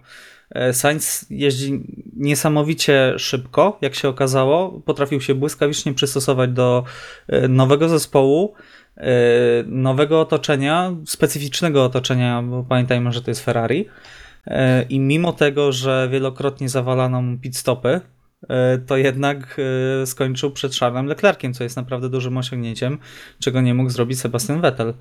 E, Więc naprawdę tej czapki z głów moim zdaniem e, Sainz był najlepszym e, kierowcą w tym sezonie, bo po Maxie spodziewałem się tego, że jest w stanie zostać mistrzem i e, no, robił wielkie rzeczy, tak, ale y, biorąc pod uwagę y, wszystkie, y, że tak powiem, czynniki, większe znaczenie, większe wrażenie na mnie zrobił e, Carlos Sainz. Najlepszy zespół, panowie. Mm, Iwo, może teraz ty zaczniesz. No, to był duży problem. To był duży problem, ponieważ e, jako zespół, a, tak z jednej strony sercem chciałem powiedzieć, że Red Bull, wow, bo, bo, bo, bo Max wygrał mistrzostwo, natomiast e, tutaj byłem trochę złamany pomiędzy największym progresem, który uważam, że, że został osiągnięty i właśnie tutaj chciałem się e, zwrócić do w stronę Ferrari, a zespołem, który obiektywnie był najlepszy, jeżeli chodzi o solidność za całokształt, no to definitywnie jest to Mercedes. I tutaj tak możemy spojrzeć, że zagłosowałem na, wybrałem Maxa, ponieważ wygrał mistrzostwo e, indywidualne, wybieram Mercedesa, ponieważ e, mistrzostwo konstruktorów, ale no nie bez powodu. I Mercedes, mimo że mieli, nie mieli dominującego samochodu w tym sezonie, tak jako całość, jako, jako komplet, no wiadomo, Valtteri wygrał jeden wyścig. Nie za bardzo się popisał w tym sezonie. Tak, e, ta solidność zespołu jest dużo większa, aczkolwiek mam ten punkt dodatkowy dla Ferrari, które a, osiągnęło, wróciło do prawie do czołówki, zyskało trzecie miejsce. Ten przeskok między 2020, 2020 a 2021 jest olbrzymi. Więc e, jeżeli mam brać tak zupełnie jeden, idąc drogą, którą poszedłeś ty, Michał, w poprzednim, że tak powiem, punkcie, a wybiorę Ferrari. Okej, Piotrek?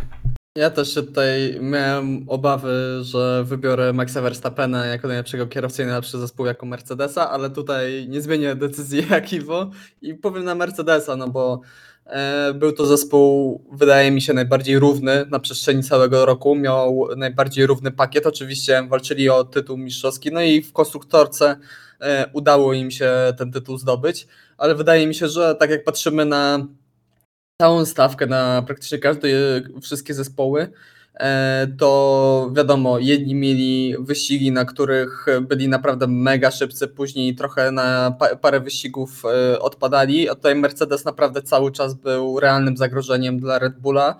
Wiele wyścigów był po prostu od nich e, szybszy. E, A też e, warto wziąć pod uwagę tę e, informację, która wyciekła parę dni temu, że nie zużyli żadnego tokena na ulepszenia w tym sezonie, także myślę, że to też pokazuje, że wykonali naprawdę gigantyczną pracę i fantastyczną też zarazem pracę, jeśli chodzi o usprawnienie, o zrozumienie i o wyciągnięcie maksimum z tego pakietu, jaki mieli. Także tutaj naprawdę duże brawa, no i to też pokazuje, że no cały czas moim zdaniem to jest najbardziej kompletny zespół e, w Formule 1 od wielu, wielu lat. E, no, pełna zgoda. Mercedes absolutnie najlepszy, może nie absolutnie, ale najlepszy zespół w tym roku, e, który, no nie ukrywajmy, biorąc pod uwagę zmianę w regulaminie, miał mocno pod górkę, jednak wyciągnęli absolutne maksimum z tego pakietu i wywalczyli Mistrzostwo Świata konstruktorów i, i prawie e, wywalczyli Mistrzostwo Świata dla Louisa Hamiltona. Najlepszy zespołowy partner, panowie. Ja o to jestem ciekaw. E, Zaczynasz Kto tutaj teraz. padnie?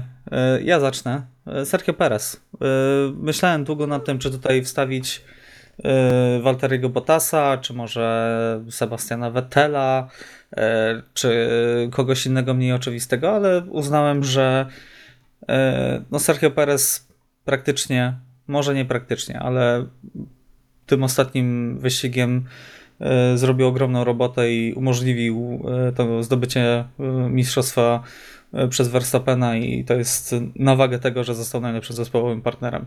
Poza tym e, to jest gość, który e, wszedł do Red Bulla, nie został stłamszony i którego Verstappen zaakceptował jako drugiego kierowcę, także jeździ w kolejnym sezonie. dokładnie. Także to już moim zdaniem jest warte tego, tego tytułu. E, Piotrek, dlaczego Walteri Bottas?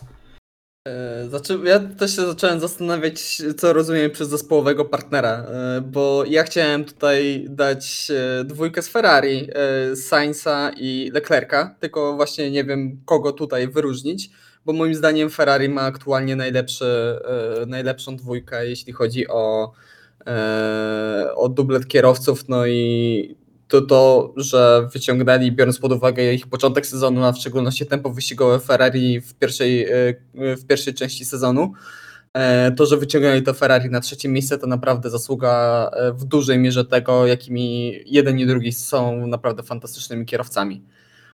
Także któryś z tej dwójki, jeżeli bierzemy pod uwagę tutaj, że zespołowy partner jest ten, który jest niżej w klasyfikacji generalnej, no to chyba tutaj Charles Leclerc. Przyjmuję to tłumaczenie. E, Iwo? E, No właśnie ja przez, ten, doko- przez to kryterium oceny, które teraz podał Piotrek, oceniam najlepszy zespół. Także mamy wspólne, że tak powiem, spostrzeżenia jak najbardziej. E, Jeżeli chodzi o najlepszego partnera, tak z mojej czysto takiej perspektywy, już tak właśnie mega subiektywnie, Fernando Alonso z kilku aspektów. E, Pierwszy aspekt jako zask zaskoczył mnie podejściem do pracy w zespole, prac, współpracy z swoim, no chyba ulubionym zespołem, ulubionym partnerem, czyli Renault slash Alpine w tym momencie.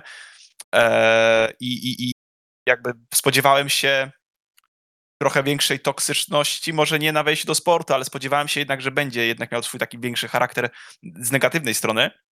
E, natomiast Węgry, współpraca widoczna pomiędzy, pomiędzy Fernando Alonso a, a Estebanem Okonem, któremu, gdzie, gdzie Alonso po prostu się bronił jak, jak, jak, jak też jak zwierzę, można powiedzieć. lew. Jak lew, również jak lew, lew to zwierzę, przed Lewisem Hamiltonem.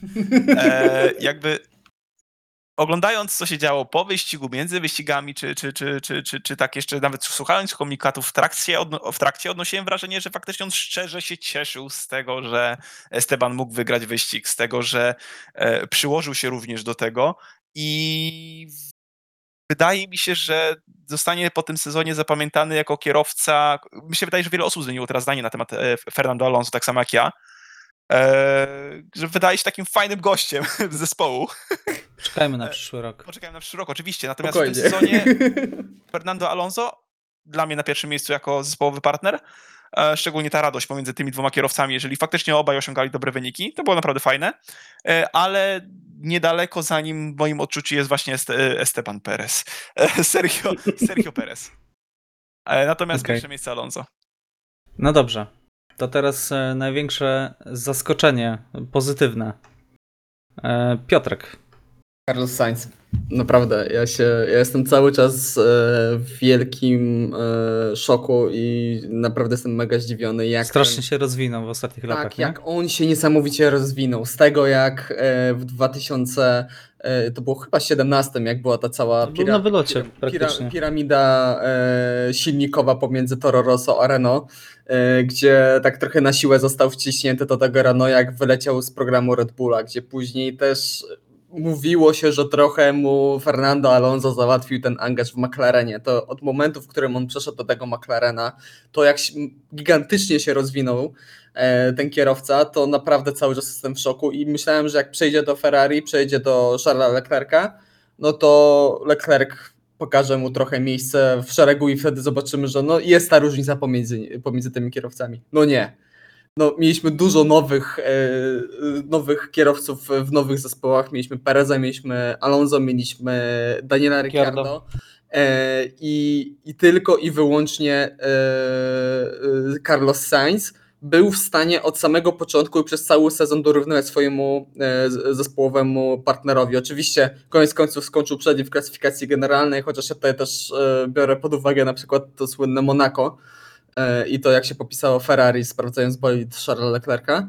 E, Ale naprawdę wielkie brawa i jestem cały czas pod wielkim wrażeniem tego, jaki gigantyczny progres zrobił e, Carlos Sainz. No i ciekawe, miejmy nadzieję, że Ferrari przygotuje taki samochód, którym będą mogli się bić o najwyższe e, stopnie, bo też jestem ciekawy, jak ta walka wewnątrz zespołu, kiedy przyjdzie właśnie walka o pierwsze pozycje, o może nawet tytuł mistrzowski, jak, ta, e, jak te relacje pomiędzy Leclerciem a Sainzem będą się układały.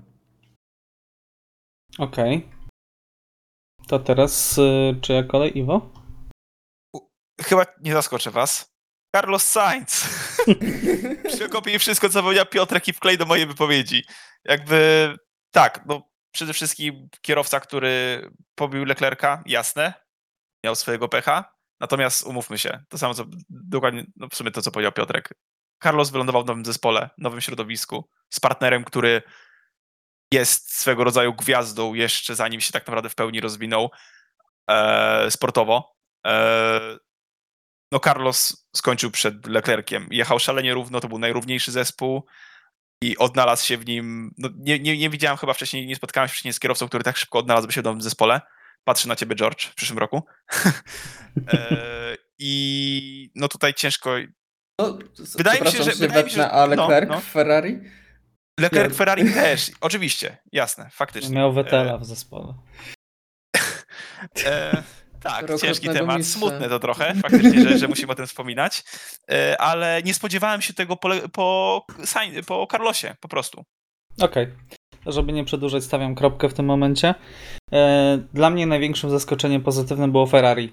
e, Jako ogólnie zespół, bo pamiętamy, jaki był dla nich sezon 2020 e, i jaki ogromny postęp zrobili, mówiąc od początku sezonu, że skupiają się absolutnie na przyszłym roku. E, I jak e, mocno poprawili na przykład silnik, e, wprowadzając upgrade'y już z myślą o 2022 roku. Pamiętajmy, że Ferrari na początku roku miało ogromne problemy z tempem wyścigowym. Natomiast pod koniec sezonu no wydarli, może nie tyle wydarli, co po prostu odjechali strasznie McLarenowi, tak? Bo gdybyśmy to ten ranking przeprowadzali, myślę, w sierpniu, to bym jasno wskazał McLarena. E, Natomiast no, Ferrari w końcówce zdemolowało absolutnie McLarena i odskoczyło, no ostatecznie tam było prawie 50 punktów przewagi, więc naprawdę e, bas, panie Binotto i czekam na więcej w przyszłym roku. No to przeciw... Tak, o dziwo. Bo E, pamiętamy te plotki też z początku sezonu, że Binotto miał być już na wylocie z Ferrari. Tak. No teraz nagle nie mówimy o tym, żeby Binotto już sobie poszedł. O dziwo. Poczekamy do marca, tak? Tak, tak, tak. Wrócą o walkę na, na czele, to wtedy się zacznie z powrotem. Dobrze, to Iwo, twoje największe rozczarowanie w tym roku. To był drugi najtrudniejszy punkt, znaczy jeden z najtrudniejszych punktów moim zdaniem, ponieważ tych rozczarowań było sporo, tak naprawdę.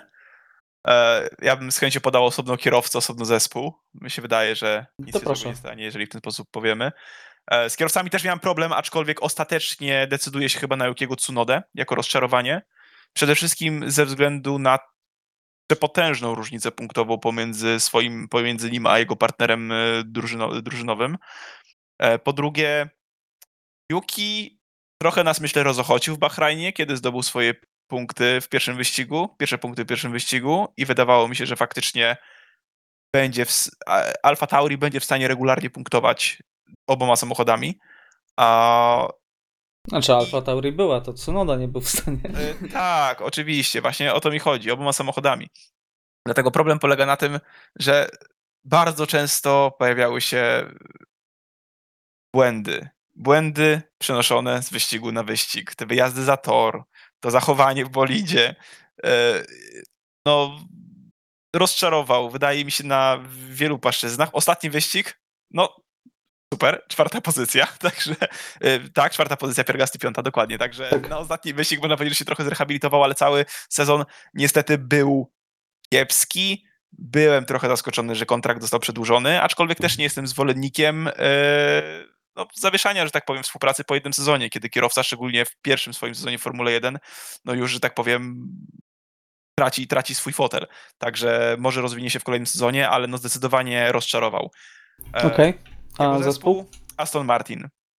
Tutaj wydaje mi się, że chyba wszyscy oczekiwaliśmy dużo, dużo więcej po tym zespole i po tych kierowcach, no bo jednak Lance No miał być Stroll- zielony Mercedes teraz, a nie tak, było tak, zdecydowanie. Tak, Lance Stroll pokazywał wiele razy, że, że, że potrafił. Jest gdzieś tam, ma doświadczenie duże, już całkiem. E, A Sebastian Vettel, no o tym chyba nie muszę wspominać. E, Więc Aston Martin jako zespół, bardzo duże rozczarowanie.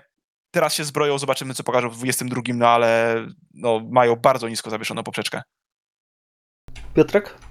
Ja, jeśli chodzi o kierowcę, e, w tym sezonie, no to największe rozczarowanie to Daniel Ricciardo, e, bo spodziewałem się, że jak oczywiście nowy zespół, e, nowy bolid, to zawsze jest duże wyzwanie, ale biorąc pod uwagę to, jakie doświadczenie ma Daniel Ricciardo w Formule 1, no i też to, jak zawsze go bardzo wysoko ceniłem, to, że przez naprawdę dużą część sezonu tak bardzo odstawał od Lando Norrisa, no bardzo mocno mnie zaskoczyło właśnie na, na minus i mam nadzieję, że w przyszłym sezonie e, trochę się odbuduje Daniel Ricciardo. Już pod koniec tego sezonu, w szczególności od Moncy wyglądało to znacznie lepiej, no ale nadal często przytrafiają mu się takie e, odpadnięcia w Q2, takie Niewyraźne występy mocno. e, dobre starty, ale potem gdzieś przeginął w tym wyścigu. No takie miał dobre wyskoki, miał naprawdę bardzo dobre momenty, na przykład właśnie weekend w Moncy, gdzie naprawdę fantastycznie miał fantastyczne tempo i fantastycznie pojechał, wygrał koniec końców ten wyścig.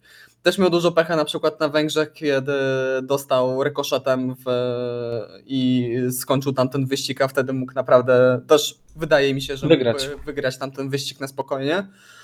E, Także no, to jest moje mocne rozczarowanie. Jeśli chodzi o zespół, to też się zgodzę tutaj z Iwo. Jeśli chodzi o Astana Martina, spodziewałem się od nich o wiele, wiele więcej i nadal myślę, że jeśli chodzi o te nowe regulacje, to oni mogą być trochę takim czarnym koniem. E, No ale wiadomo, że to jest takie wrażenie z fusów, ale chciałbym jeszcze inne rozczarowanie, bardzo duże na minus w tym sezonie, jeśli chodzi o generalnie osobę. E, Ja chciałbym, ja jestem mega rozczarowany Toto Wolfem, szczerze powiedziawszy bo przez e, wiele lat e, postrzegałem go jako człowieka naprawdę mega bardzo wyważonego, bardzo takiego Z chłodnego, klasą. takiego z klasą, którym potrafi nawet do, bardzo, do takich bardzo ciężkich sytuacji podejść bardzo spokojnie, e, z takim chłodem e, i trzeźwo patrzeć na sytuację, to końcówka tego sezonu, wiadomo co, co się ważyło, wiadomo co się tam działo, ale no w szczególności te protesty, później te wystąpienie w telewizji Sky w takiej grobowej atmosferze, cały ubrany na czarno. No, no strasznie zburzyło mi ten wizerunek i jestem mocno zniesmaczony i mocno rozczarowany. Okej. E, Jeżeli chodzi o mnie największe rozczarowania, no to powtórzę to, co Piotrek i to, co Iwo, jeżeli chodzi o zespół, czyli Aston Martin i Daniel Ricciardo. Myślę, że tutaj e, no nie ma co rozwlekać tematu i, i powtarzać się, także myślę, że przejdziemy dalej. Chyba najtrudniejsza kategoria przed nami. Najlepszy wyścig. Kto się zgłasza? Michał, może ty pierwszy, może ty Tak, Dobrze. Dawaj, dawaj ty, Michał. No faktycznie. Ja, ja bardzo chętnie podejmę się, jako że sam to pisałem. Jak zwycięstwo ja, to ja, ja, ja się wyłączam. Grand Prix Rosji. Okej, E, Moim zdaniem najlepszy wyścig. Mieliśmy Carlosa Sainza prowadzącego, mieliśmy Lando Norrisa e, wyprzedzającego Carlosa Sainza, mieliśmy Lando Norrisa jadącego e, po pierwsze miejsce, broniącego się przed Lewisem Hamiltonem i mieliśmy niesamowitą końcówkę na deszczu. No naprawdę było w tym wyścigu wszystko, z wielkim rozczarowaniem na koniec dla młodego kierowcy, więc dramaturgii zdecydowanie nie zabrakło. Poza tym kocham wyścigi, które kończą się właśnie w ten sposób. Może nie, nie, nie, nie wyścigi, w których Lando traci szansę na zwycięstwo, ale bardziej takie, w którym e, deszcz miesza w końcówce. Także dla mnie Rosja. E, Chociaż wybór był naprawdę ciężki, bo mieliśmy mnóstwo świetnych wyścigów w tym roku. To słucham dalej, panowie. Iwo, ty się zgłaszałeś, także proszę. E, dobrze. E, dla mnie, uwaga Piotrek, i tutaj zwracam honor. Dla mnie najlepszym wyścigiem tego sezonu była Imola. Ej, ja też chciałem to powiedzieć. Kurde, no. Pierwszy. E, Wydaje mi się, że dla, e, dlatego, że to był taki pierwszy moment w tym sezonie, e, w którym stwierdziłem tak naprawdę, że okej, jakby to się dzieje. Faktycznie Lewis niekoniecznie musi wygrać to mistrzostwo. To też się stało. E, I przede No, wszystkim mieliśmy Luisa w żirze. Bardzo niskie oczekiwania miałem. To też miał duży wpływ. Po zeszłorocznej, po, po, po, po zeszłorocznej Imoli, która była moim zdaniem wyścigiem jednym z nudniejszych. W tym przypadku była to, był to dla mnie no, najciekawszy wyścig sezonu ze względu właśnie na e, mieszane warunki, na pojedynek pomiędzy Maxem Verstappenem a Lewisem Hamiltonem od samego początku, który już kończył się i to był, nie wiem, czy to był pierwszy kontakt między nimi w sezonie, być może? Bardzo, Chyba tak. no Bahrain jeszcze był, gdzie się Bahrain. wyprzedzali Tak, faktycznie, poza ale tam torem. chyba nie dochodziło do kontaktu. Tak czy inaczej, ta Imola była takim punktem zwrotnym, przez który zacząłem inaczej zupełnie już patrzeć na ten sezon, e, ponieważ Bahrain był dopiero takim początkiem, że Red Bull potrafi. E, I kolejny aspekt, e, Hamilton, który popełnił błąd w trakcie, w, trak- w deszczowych warunkach, w jego warunkach można powiedzieć, e, chociaż tam już był chyba przysychający tor, jak pamiętam. E, ta zderzenie pomiędzy George'em Russellem a Walterim Bottasem i Tak. ten dramat pomiędzy, pomiędzy dwoma zawodnikami walczącymi o fotel. No, emocje po prostu sięgały zenitu. Jeszcze no i po obracający prostu- się kierowcy na wyjazdowym po czerwonej flace też Tak, tak, tak. No, po prostu wyścig cały w sobie jako całość naprawdę. Jak, jak myślę o tym sezonie, to Imola jest tym chyba wyścigiem właśnie, o którym myślę jako pierwszym w tym momencie, jako takim ciekawym e, punktem zwrotnym dla ogólnie tego, co się dzieje na wstawce. Więc e, No zdecydowanie. i Imo- znaczy, genialne kwalifikacje jeszcze, gdzie Tak. Lando Norris tam szalał, Sergio Perez skończył Tak, na drugim Faktycznie, miejscu. zapomniałem nawet o tym e, w tym momencie. E, Chciałem powiedzieć, że zdecydowanie Imola, nie, nie zdecydowanie Imola, ponieważ wybór był ciężki. To był naprawdę szalenie ekscytujący sezon, naprawdę. I zaraz się z tego cieszę. Piotrek, co wymyśliłeś? E, Ja wymyśliłem coś innego, mimo że w pełni się zgadzam i jakbym pierwszy się wypowiadał, to właśnie zaczął mówić o Imoli.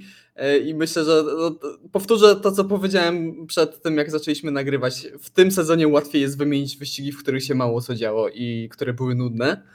E, Ale ja chciałbym wyróżnić jeden taki wyścig, który na długo zapamiętam, pomimo tego, że był nudny. E, To Zandvoort. Głównie dlatego, że Robert wtedy wystartował i to było dla mnie coś po raz kolejny coś wyjątkowego, takie, co, co będę naprawdę długo wspominał. Tym bardziej po tym, co się wydarzyło Robertowi w, w, w Le Mans, to było takie, trochę zagoiła się bardzo, bardzo głęboka rana, która wtedy, którą wtedy miałem, także myślę, że ten wyścig bym wyróżnił, a jeśli chodzi o najlepszy, no to tak jak Iwo już mówił, Imola, bo kocham ten tor i też był fan, fenomenalny wyścig. Okej, przechodzimy dalej. E, Najlepszy manewr. Piotrek. E, Ja chciałbym tutaj wyróżnić walkę pomiędzy Alonso a e, Hamiltonem na Hungaroringu. To, Dobra, muszę pierwszy zacząć mówić częściej. tak, e, to było takie ściganie w starym bardzo. stylu, dokładnie, oldschoolowe ściganie, e, nie zostawianie sobie miejsca, ale również nie wywożenie za tor, e, twarda walka, e, no też był wysyp memów po tym, gdzie był mega szeroki z Fernando Alonso e, i to było pokazanie, że jeżeli ktoś wątpił w Fernando, że jest za stary, że już tego nie ma, że to już taki bardziej dziadek, nie, on to dalej to ma. On to ma. On to ma e, i wtedy pokazał, że to jest naprawdę fenomenalny kierowca i potrafi, potrafi się ścigać. Okej. E, Ja się w pełni z tym zgadzam. E, Nie dodam ani jednego słowa więcej. Myślę, że wyczerpałeś temat. Także Iwo, czy masz jakiś inny e, manewr tutaj przygotowany, czy, Tak, czy ja, zostajesz przy tym? ja, wybieram spośród trzech. Okej, to posłuchajmy. E, Pierwszy, ostatecznie, tak jak wspominaliśmy, wspomina, o- rozmawiałem o tym po tym konkretnie wyścigu, że będzie to manewr, bądź seria manewrów, które zapamiętam jako, która w, tym, w tamtym momencie była najlepszą serią manewrów wyprzedzania w sezonie. I dla mnie jest to w dalszym ciągu Turcja, walka Pereza z Hamiltonem e, pod, końcem, pod koniec trzeciego sektora, e, ponieważ raz, że trwało na kilka zakrętów, co jest niespotykane w tym momencie. E, Dwa, była ona czysta i naprawdę bardzo przyjemnie się to oglądało, szczególnie w tych bar białych barwach e, Red Bulla. E, nie ukrywam, że bardzo blisko była ostatnia wymiana również pomiędzy Perezem a Hamiltonem. E, jakby troszeczkę podobna sytuacja, aczkolwiek no, w tym przypadku e, jeszcze bardziej heroiczna. Natomiast nie ukrywam, że najbardziej ten sezon zapamiętam, jeżeli myślę o jakimś ściganiu, widzę kamerę z helikoptera pokazującą białego Red Bulla walczącego z czarnym Mercedesem. Także Turcja i Hamilton Perez. Okej. Filmowy kontrast w ogóle. Tak, tak. Y, Dla mnie jeszcze taki punkt, y, takie ostatnie miejsce na podium, ale coś, co zrobiło na mnie wrażenie, bo był to szalony manewr, ale udany manewr. To był ten manewr, który Verstappenowi się udał po restarcie w Arabii Saudyjskiej. Bardzo piękne wjechanie wewnętrzną w momencie, kiedy No, szalone trochę. szalony, ale udany i czysty w tamtym przypadku. e, W momencie, kiedy jeszcze Okon miał małą kolizję z, z Hamiltonem. Było ciasno, ale się udało. Okej. Mm, dobra, no to przechodzimy już do ostatniego naj, czyli najbardziej zapadający e, moment e, w pamięci. Co zapamiętacie najbardziej? Takie jedno wydarzenie z tego sezonu. Może ja zacznę, będę bardzo nieoryginalny. Ostatnie okrążenie w Abu Zabi. Na pewno będę to wspominać. Widziałem to okrążenie ostatnie e, wielokrotnie. E, Myślę, że kilkadziesiąt razy w różnych wersjach z komentarzem polskim, zagranicznym, także na pewno bardzo zapadnie mi w pamięć e, ten moment. Absolutnie szalona końcówka szalonego sezonu. Myślę, że takie dobre zwieńczenie, już pomijając te wszystkie kontrowersje. Piotrek? To ja też e, w pełni się zgodzę tutaj to ostatnie okrążenie, ale z takich, co mi e, zostanie na pamięć, to mam w sumie dwa takie momenty. Jeden e, to taki bardziej na dobrą sprawę ciekawostka będzie na wiele lat, to jak Lewis Hamilton sam stał na miejscach startowych na Węgrzech. A, tak, tak. To, to, to, to, się, to się nigdy nie powtórzy. Okej, ja to już jeden z, jestem- list, jeden z listy usuwam. Tak, e, tak. A drugi znowu tutaj uderzę. Za, zaraz e, będą zarzuty, że jestem powrotowcem, ale ostatnie okrążenia Kubicy na Zandvoort. To też kiedy tam się dział wyścig, a ja patrzyłem na F1 TV na onboard i, i, i się nakręcałem. Żeby- wyprzedz, wyprzedzi żeby Latifiego. wyprzedzi- Czy wyprzedzi Latifiego, czy nie, tak. Heroiczna walka o 15 miejsce, także e, to są dwa takie momenty, które zap- zapadną mi w pamięć. Okej, Iwo, za, założę się, że nie masz momentu z y, Kubicą wyprzedzającego Latifiego. Nie, nie, tego momentu nie wykreślam.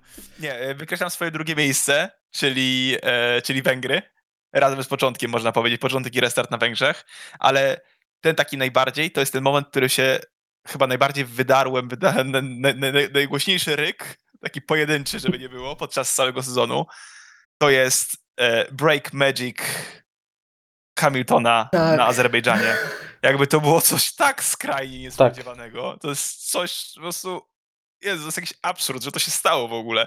Zmiana balansu hamulców w takim stopniu i wyjazd Hamiltona poza tor. Po prostu, co ja siebie wtedy z gardła wydarłem. To jest jeden z 30 momentów mniej więcej, w których mogliś, możemy powiedzieć odnośnie zarówno Verstappena, jak i Hamiltona w tym momencie przegrał tytuł. Tak, tak, tak. To był, jeden, to był jeden z tych. No po prostu ten finish był szalony, ale ten, ten sam moment wyjazdu Hamiltona, no nikt się tego chyba nie spodziewał. Także Mm. ten zapamiętam najdłużej, bo, bo wtedy się wydarłem najbardziej. Okej, dobrze, to w takim razie przejdźmy jeszcze do e, naszych e, predykcji całorocznych. E, nie mówiłem o trzech ostatnich wyścigach, ale podsumuję tylko całkowicie obiektywnie, tylko ostatni wyścig, żeby to nie przedłużać. Trafiłem wszystkie trzy, czyli To e, kwalifikacje Hamiltona, Z wyścig wygrywa Verstappen, a kierowcą dnia zostaje Raikkonen. E, Iwo, nie trafiłeś nic. bo- y, A nie, przepraszam. O kurczę. Dobrze, że teraz zauważyłem, bo nie zaznaczyłem ci zwycięstwa Hamiltona w kwalifikacjach. Tak czy inaczej. E, Iwo, gratuluję ci, ponieważ y, wygrałeś Jest! A co naszego wygrałem? typera. E, Dozgonną wdzięczność wszystkich e, słuchaczy, że jesteś takim świetnym typerem i w następnym sezonie będą się tylko ciebie słuchać chodząc do Bookmachera. Bardzo dobrze. O, ja nie Biorąc- w sumie, ja Słuchajcie, biorąc pod uwagę to, kto wygrał rok temu i jak poszło w tym roku. No tak, podsumowując wyniki, Iwo 23 punkty, ja punktów 21, e, Piotrek punktów 14. Także Piotrek zostałeś Astonem Martinem tego sezonu typera. Wielkie rozczarowanie po Mogłem, świetnym zeszłym sezonie. hasem, spokojnie. Zostałem Ferrari z 2009 roku. Dobrze. E, W takim razie, e, czego sobie życzycie na nowy sezon? Bo e, jest to ostatni odcinek, który nagrywamy w tym roku. Myślę, że pierwsze nasze wrażenia nagramy po Barcelonie, po pierwszych testach, gdzie już będziemy wiedzieć, jak te bolidy mniej więcej wyglądają. I będą pierwsze przecieki z tego, kto jest niby szybki, kto sandbaguje. Wszystkie analizy A, przewróciłem tak do góry nogami. E, tylko żeby się e, dowiedzieć. Już e, są pierwsze plotki, że e, Ferrari ma jakiś bardzo agresywny koncept dyfuzora, O nie. e, więc albo wyjdzie fantastycznie, albo wyjdzie tak jak w 2019, e, albo nie, w 2020 mieli mieć taki agresywny koncept, tak? Który absolutnie się nie udał. No może wyciągnęli wnioski. Także jakie są wasze życzenia na ten sezon? Ja życzę sobie tylko jednego, e, żeby e, walka o mistrzostwo była tak ciekawa jak w tym roku, natomiast żeby więcej kierowców walczyło i liczyło się w stawce nie tylko cztery bolidy, ale e, żeby, no nie wiem, co najmniej trzy zespoły albo najlepiej cztery miały podobne tempo i walczyły naprawdę jak równy z równym na różnych torach. Ja się w pełni zgodzę, w pełni się podpiszę pod tym. E, Do tego dodałbym jeszcze od siebie, żeby wśród tych zespołów nie było ani Red Bulla, ani Mercedesa, chciałbym trochę od e, pana Toto Wolfa i pana Hornera trochę odpocząć. E, Mniej kontrowersji znacznie, więcej takiej walki, no i żeby w końcu... Nowego panelu sędziowskiego, tak? Życzysz Nie- sobie? Nie, nie, nie, nie, nie, nie, nie, nie, bo w to nie wierzę, że to się wydarzy. E, ja sobie życzę tego, żeby w końcu po tylu latach w tym sporcie udało się zrobić, dotrzeć do tego, żeby e, żeby bolidy mogły podążać za sobą blisko, żeby tak To, co ma się wydarzyć. To, co legendarnie ma się wydarzyć i co ma się wydarzyć za każdą zmianą regulaminową w tym sporcie. Iwa, ty czego sobie życzysz? E, w- Walki o tytuł między McLarenem, Astonem a Ferrari. Niech tam Mercedes i Red Bull gdzieś też walczą. A ale- Alpinka? Alpin Alpin. Al, Alpin też, ale mi się wydaje, że jeszcze. No ale wyobraź sobie, przepraszam, że ci przerwę, ale walkę Alpin z Astonem i taki last dance Sebastiana Vettela i Fernanda Alonso. No, Czy to nie byłoby piękne? Oj, Netflix to był. Było, byłoby, kręc, byłoby kręcone. Mistrzostwa emerytów. Nie, Alpin, Al, Alpin również, oczywiście. Y, Nie spodziewam się tego mimo wszystko w przyszłym sezonie, ale chciałbym się mile zaskoczyć, biorąc pod uwagę, jak Aston się zbroi, ale tak czy inaczej, jakby rozumiemy sens, wszyscy chcemy tego samego, żeby walczyło kilka zespołów po tytuł i żeby niekoniecznie to był Red Bull i Mercedes. Także wydaje mi się, że wspólny mianownik jest osiągnięty. No, George Russell się nie zgodzi. chciałbym, żeby nie z powodu COVID-u, bo tego już wszyscy mamy dość, ale żeby mimo wszystko pojawił się jakiś cień szansy na jakiś nowy, ciekawy europejski tor w kalendarzu. Z jakichkolwiek innych przyczyn, byleby nie dotyczyły Ale naszego taki zdrowia. nowy, nowy? Nie, nie nowy, nowy, przepraszam. E, powracający. Mam na myśli, patrzę na Hockenheim, patrzę na Nürburgring i kilka innych torów, które mogłyby zastąpić na przykład Hiszpanię, ale to są tylko moje Nie no, jakieś... Hiszpania jest zabetonowana przecież. Ja wiem, jeszcze ale- 5 lat. No, Santander wszedł znowu do F1, będzie wspierać Ferrari. Czy naprawdę sądzisz, że im zabiorą wyścig teraz? No to na Jerez. Odbudowa Walencji. No, no to chociażby Jerez. E, Ale przede wszystkim ciekawego ścigania, lepszego podążania i walki o tytuł między trzema, czterema zespołami. Tego nam życzę. No dobrze, to w takim razie e, sezon trzeci e, podcastu Park Firm uznaję za zakończony. E, Chciałbym Wam e, wszystkim słuchaczom serdecznie podziękować za każdą minutę, którą spędziliście na słuchaniu naszego ględzenia. To my E, nagrywamy mamy- od 2019 roku. Tak. Od Grand Prix Chin. Wow, ale Tak. tak, tak teraz dopiero, tysiącznego to, wyścigu. Formuły 1 nagrywamy. Także już kawał czasu nagrywamy ten podcast. E, I robimy to naprawdę głównie hobbystycznie, bo sprawia nam to dużo przyjemności, że e, rozmawiamy sobie o tym, co się dzieje i z tego co wiemy, te osoby, które nas słuchają, też, e, też e, raczej mają pozytywne zdanie na nasz temat. Więc dziękujemy serdecznie za każdą minutę jeszcze raz e, i słyszymy się w następnym sezonie. Oby był tak samo ciekawy, co najmniej tak samo ciekawy jak ten. I życzymy też Wam wesołych świąt, fantastycznej zabawy sylwestrowej, szczęśliwego nowego roku, wszystkiego dobrego. Natomiast o sezonie 2021 e, rozmawiali Iwo Lubowski, Cześć i do usłyszenia w przyszłym roku. Piotr Brudka Dzięki, do usłyszenia, cześć. i Michał Brudka. Trzymajcie się, do usłyszenia, cześć.